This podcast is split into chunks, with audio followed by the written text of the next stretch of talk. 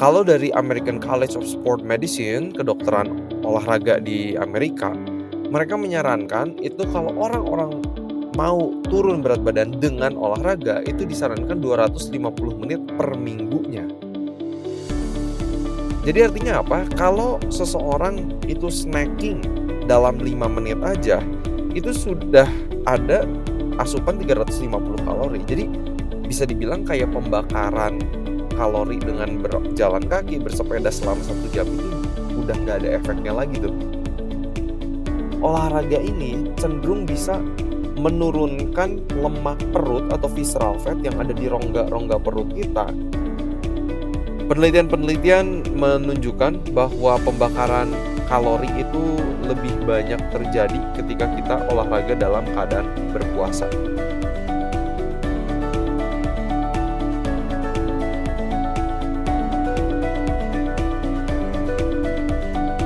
Halo semuanya, selamat datang lagi di podcast Sehat Seutuhnya. Season yang kedua bersama saya Williones Kita masih di serian membahas buku How Not to Diet. Permatanya banyak banget di dalam situ. Bukunya tebal banget jadi kita akan take some times untuk benar-benar kupas apa yang ada atau merangkum apa yang ada di buku How Not to Diet ini. Karena aku benar-benar pikir sayang banget kalau misalnya nggak dibahas dan kita sudah ada di part yang kelima dari serian rangkuman buku How Not to Diet sekarang kita akan membahas salah satu weight loss booster yaitu mengenai exercise atau olahraga. Kita pengen benar-benar melihat apa yang penelitian sejauh ini sudah tahu, ketahui, eh, bagaimana efek olahraga terhadap penurunan berat badan. Karena masih banyak juga orang-orang yang berpikir, oh kita olahraga tapi nggak mau jaga pola makan dan berharap untuk turun berat badan. Dan dari penelitian-penelitian yang ada itu tidak benar. Makanan tetap memegang peran yang sangat kunci. Nanti alasannya kenapa nanti akan kita lihat. Oke. Mungkin teman-teman juga termasuk dari orang-orang yang berpikir bahwa olahraga tuh berperan sangat penting banget di penurunan berat badan. Ini ada satu survei di Amerika, 7 dari 10 orang itu percaya bahwa peran asupan makanan dan minuman sama efeknya kepada berat badan dibandingkan dengan olahraga. Jadi mereka tuh pengaruhnya terhadap penurunan berat badan itu sama. 7 dari 10 orang percaya seperti itu. Dua dari 10 orang mengatakan bahwa olahraga yang lebih punya peran dibandingkan dengan jenis makanan atau asupan makanan yang kita makan. Satu dari 10 orang bilang makanan lebih punya peran yang tinggi. Nah, ini tuh menarik ya. Kita akan coba bahas juga apakah peran dari olahraga dan asupan makanan itu apakah sama pentingnya atau makanan tuh lebih penting dibandingkan dengan olahraga. Tapi sekalipun yang disarankan oleh Dr. Michael Greger adalah kombinasi keduanya. Kenapa enggak gitu kan? Karena dua-duanya memberikan manfaat yang luar biasa. Nah, masalahnya dengan pemikiran kalau pola makan itu sama efeknya dengan olahraga, mayoritas kalori badan kita itu terbakar untuk memaintain semua fungsi-fungsi tubuh. Jadi kalau kita makan nih 2000 kalori misalnya, kita tidur-tiduran seharian gitu kan, mayoritas yang kita makan kalorinya itu sudah terbakar. Jadi sebenarnya mayoritas kalori itu bukan terbakar dengan kita berolahraga. Buat teman-teman mungkin yang pengen tahu lebih detail, saya pernah bahas e, mengenai ini juga mengenai metabolisme tubuh manusia di podcast season yang pertama. Teman-teman nanti bisa buka. Uh, judulnya kalau nggak salah itu adalah bagaimana cara mempercepat metabolisme tubuh. Nah, di situ teman-teman akan belajar lebih detail juga. Sekarang kita mau tahu nih, sebenarnya dalam satu kali olahraga seberapa banyak kalori sih yang bisa kita bakar? Dengan olahraga intensitas yang sedang, moderate gitu kan, satu jam, seperti jalan kaki, sepeda, itu sekitar kira-kira membakar 350 kalori. Tapi ini dibandingkan ya dari sebuah penelitian ini, asupan kalori dari snack, dari snacking aja nih rata-rata orang yang obesitas itu sekitar 70 kalori per menit. Jadi artinya apa? Kalau seseorang itu snacking dalam 5 menit aja itu sudah ada asupan 350 kalori. Jadi bisa dibilang kayak pembakaran kalori dengan berjalan kaki, bersepeda selama satu jam itu udah nggak ada efeknya lagi tuh. Hanya dengan snacking selama 5 menit. Karena rata-rata ketika seseorang snacking itu dalam satu menit kita mengkonsumsi sekitar 70 kalori. Jadi kan ini yang bisa kita bayangkan semoga makin jelas buat teman-teman bahwa olahraga ketika itu mau menjadi alat untuk weight loss, untuk penurunan berat badan, kita olahraganya harus banyak banget. Banyak banget. Olahraga satu jam aja cuman sekitar 350 kalori. Tapi sekali lagi ini tergantung dengan intensitasnya. Contohnya jalan kaki sama lari satu jam. Itu jumlah kalorinya beda tuh. Karena dengan kita lari, detak jantung kita lebih tinggi, pembakaran kalori juga lebih tinggi. Ya kan?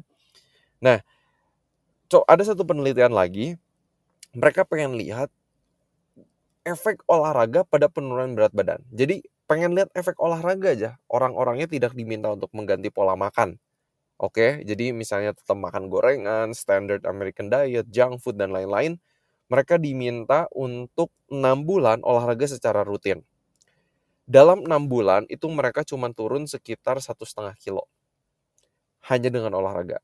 Ini kecil banget inilah makanya kenapa olahraga itu jika di, di apa ya menjadi satu-satunya tools atau alat yang pengen kita lakukan untuk penurunan berat badan tanpa mengontrol merubah pola makan kita itu nggak susah untuk terjadi.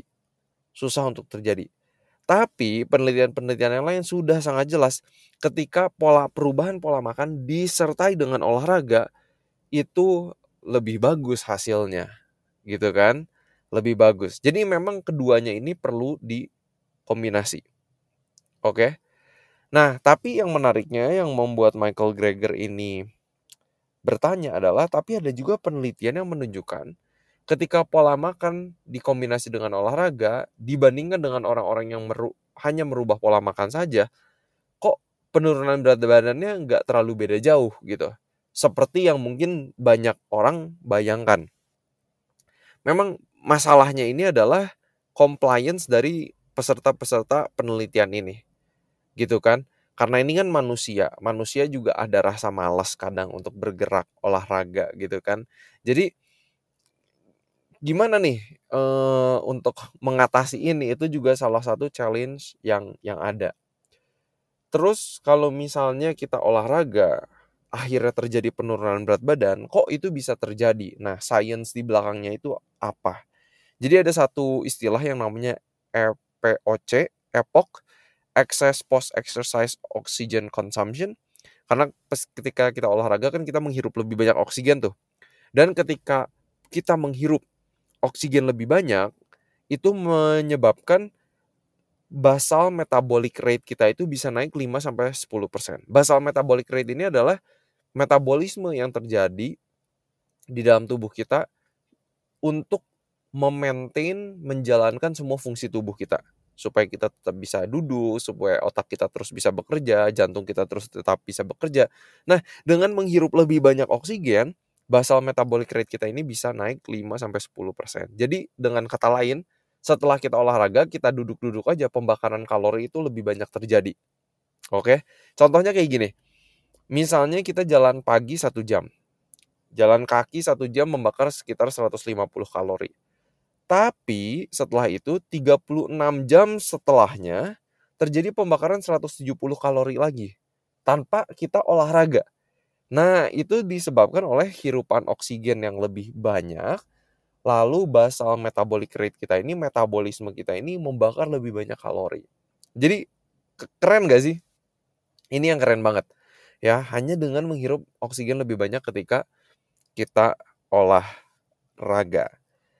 Nah, tapi kan yang membuat lucu juga adalah pas olahraga itu sendiri hanya membakar 150 kalori tapi 36 jam setelahnya kok kalori yang dibakar lebih banyak. Nah, ini kan keren keren banget. Gitu kan? Jadi Kadang yang orang salah juga adalah ketika mereka setelah olahraga, mereka merasa boleh boleh makan apa aja. Ya kan? Tapi contohnya kayak gini. Kalau misalnya kita mau makan ini ada salah satu contohnya adalah uh, two chicken legs. Uh, kaki ayam ya, dua potong.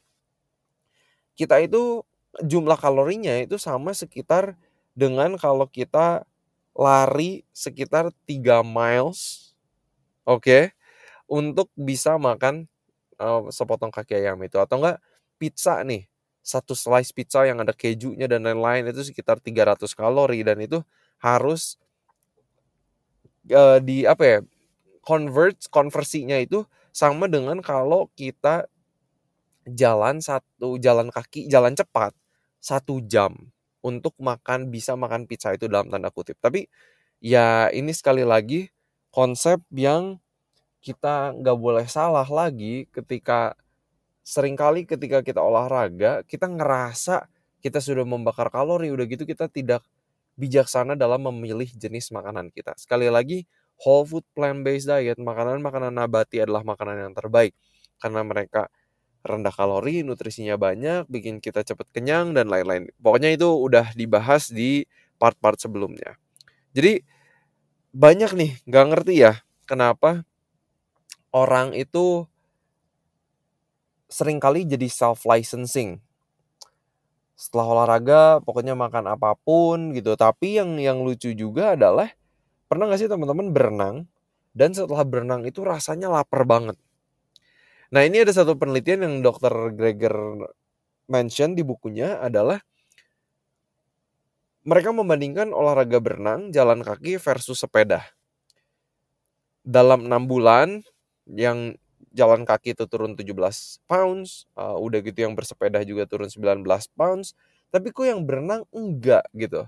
Nah, didapati ternyata orang-orang yang berenang itu setelah berenang tuh rasa laparnya lebih tinggi sehingga mereka makannya jauh lebih banyak.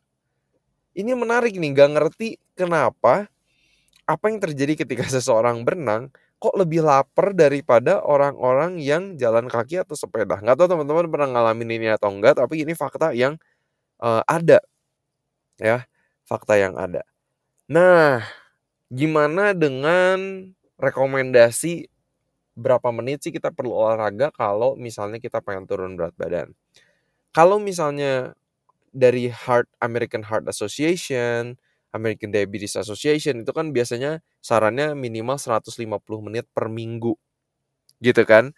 Uh, untuk di tingkat olahraga intensitas sedang. Jadi kita nggak terlalu ngos-ngosan banget tapi ketika kita olahraga mulai ngos-ngosan masih bisa carry on conversation masih bisa ngobrol dikit-dikit uh, itu intensitasnya sedang. Ya itu yang diharapkan 150 menit per minggu. Tapi kok kesannya kalau rekomendasinya itu, itu tuh kurang cukup untuk seseorang yang pengen mengalami penurunan berat badan dengan olahraga. Kalau dari American College of Sport Medicine, kedokteran olahraga di Amerika, mereka menyarankan itu kalau orang-orang mau turun berat badan dengan olahraga itu disarankan 250 menit per minggunya. Oke. Itu minimal. Jadi kalau teman-teman punya waktu lebih nggak masalah.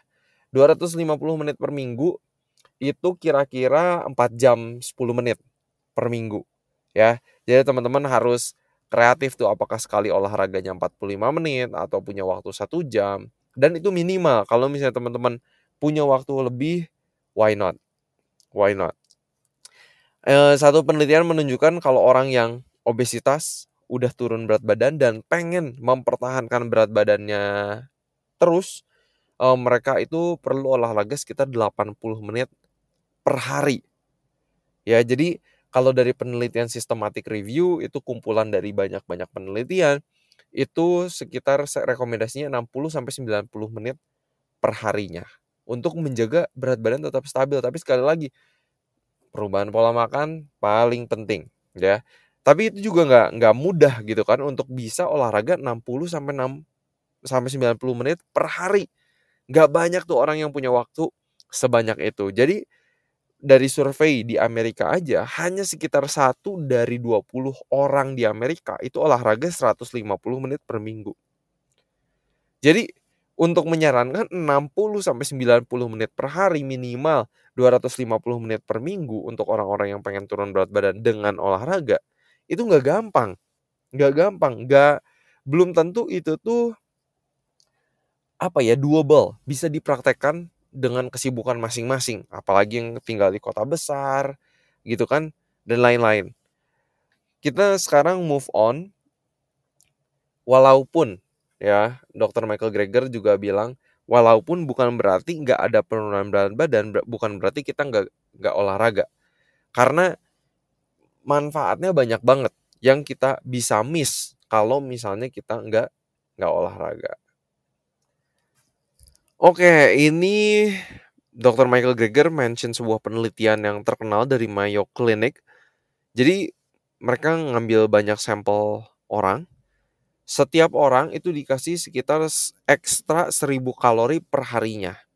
Selama 8 minggu, 2 bulan. Tapi yang menarik dalam 2 bulan ini ada orang yang hanya naik setengah kilo, ada orang yang sampai naik empat setengah kilogram. Ini kok bisa kayak gini gitu? Padahal kan sama-sama seribu kalori semua. Salah satu jawabannya adalah di energi yang dipakai oleh tubuh selain dari olahraga. Ini disebut dengan NEAT non exercise activity thermogenesis. Jadi NEAT ini adalah uh, energi yang dimanfaatkan oleh tubuh ketika kita melakukan aktivitas kita sehari-hari seperti berdiri, seperti bergerak, itu ini disebut dengan need. Oke, tapi jadi bukan olahraga tapi energi yang termanfaatkan ketika kita melakukan aktivitas kita sehari-hari. Jadi kesannya yang didapati dari penelitian ini adalah orang-orang yang walaupun dikasih makan 1000 kalori lebih banyak itu mereka lebih aktif ternyata orang-orangnya. Gitu kan? Nah, ini ada satu penelitian, mereka melihat orang-orang yang sedentary. Kerjanya di kantor, duduk terus gitu kan, tapi dikasih sensor nih orang-orang ini. Udah gitu, ternyata mereka walaupun pekerjaan mereka itu duduk-duduk terus, ternyata mereka bisa aktif gitu. Mungkin eh, setelah kerja satu jam, mereka ambil waktu untuk jalan lima menit, setiap satu jam jalan lima menit, dan ternyata orang-orang yang kerja kantoran itu bisa jalan sekitar 10 km satu hari loh. Ternyata. Dan itu membantu pembakaran kalori yang lebih banyak oleh NEAT ini. Ya, dengan melakukan aktivitas sehari-hari. Dengan berdiri, dengan jalan kaki, dan lain-lain. Kalau teman-teman tahu ada satu kelompok di Amerika yang namanya Amish. Itu mereka orang-orang yang sangat konservatif, mereka nggak mau punya mobil, mereka masih pakai kuda, mereka nggak hidup hidup tanpa listrik, mereka masih berkebun dan lain-lain.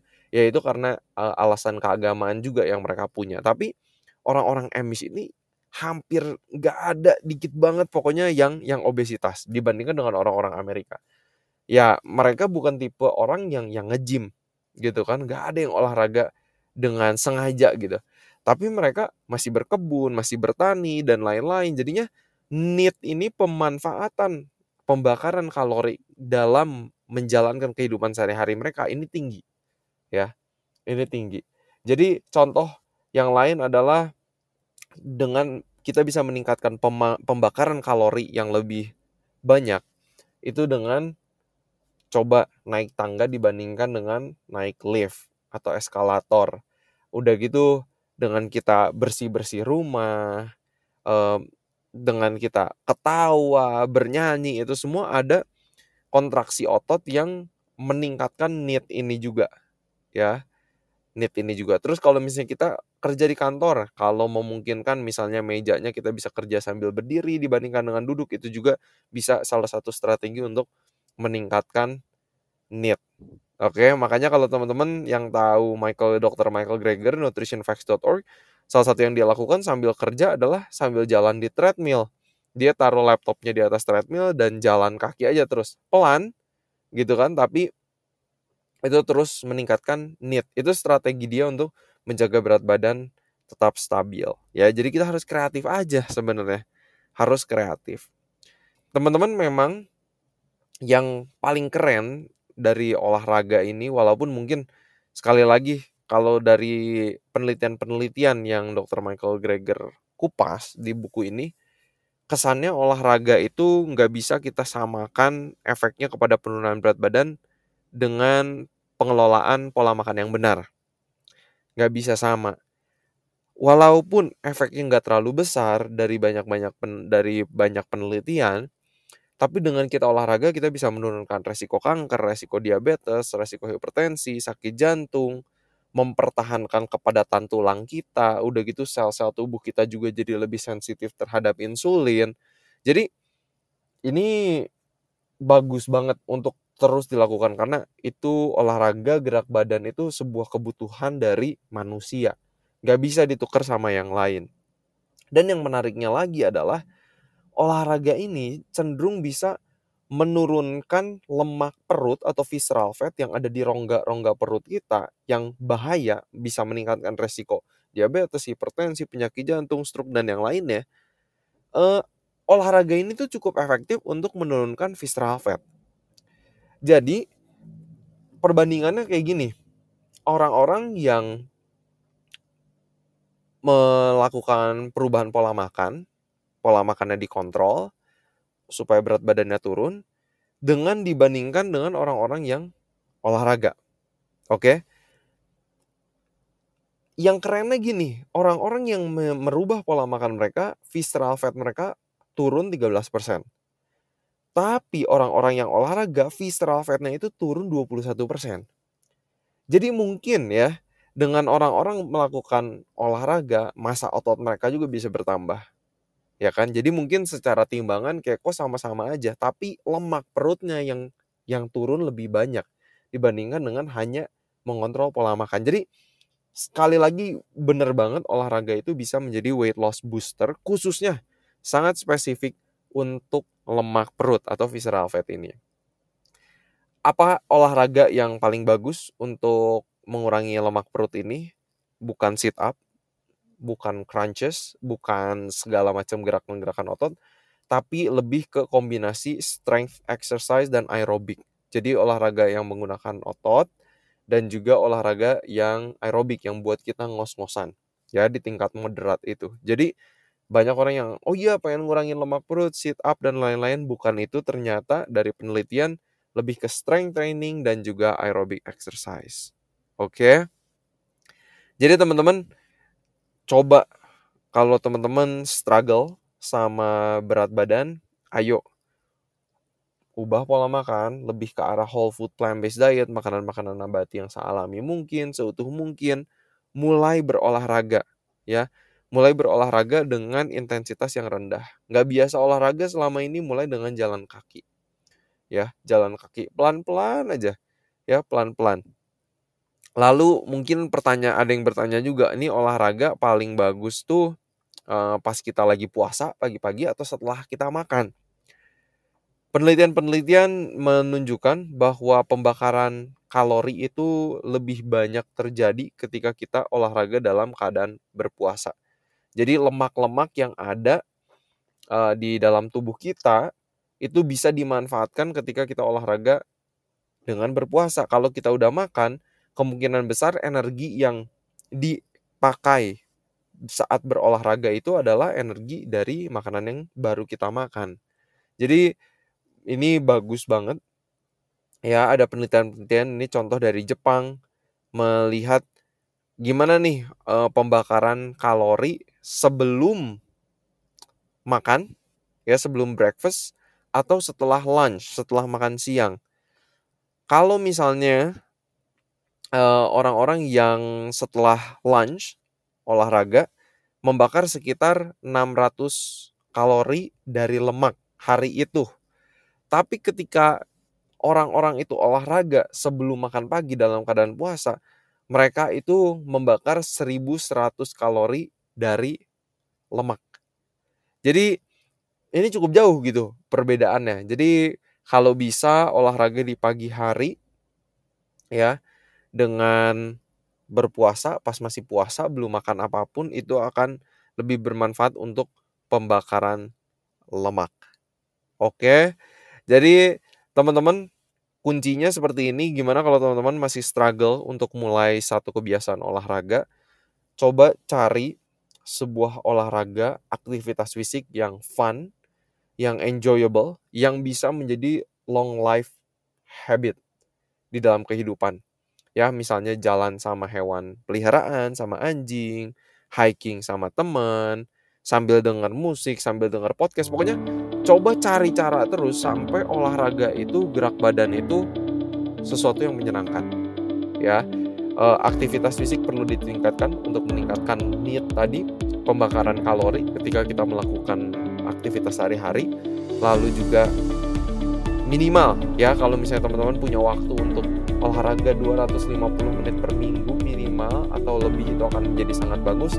Tapi sekali lagi dari penelitian-penelitian olahraga saja itu bukanlah tools yang terbaik untuk menurunkan berat badan. Tapi itu selalu harus dikombinasi dengan pola makan yang sehat ya.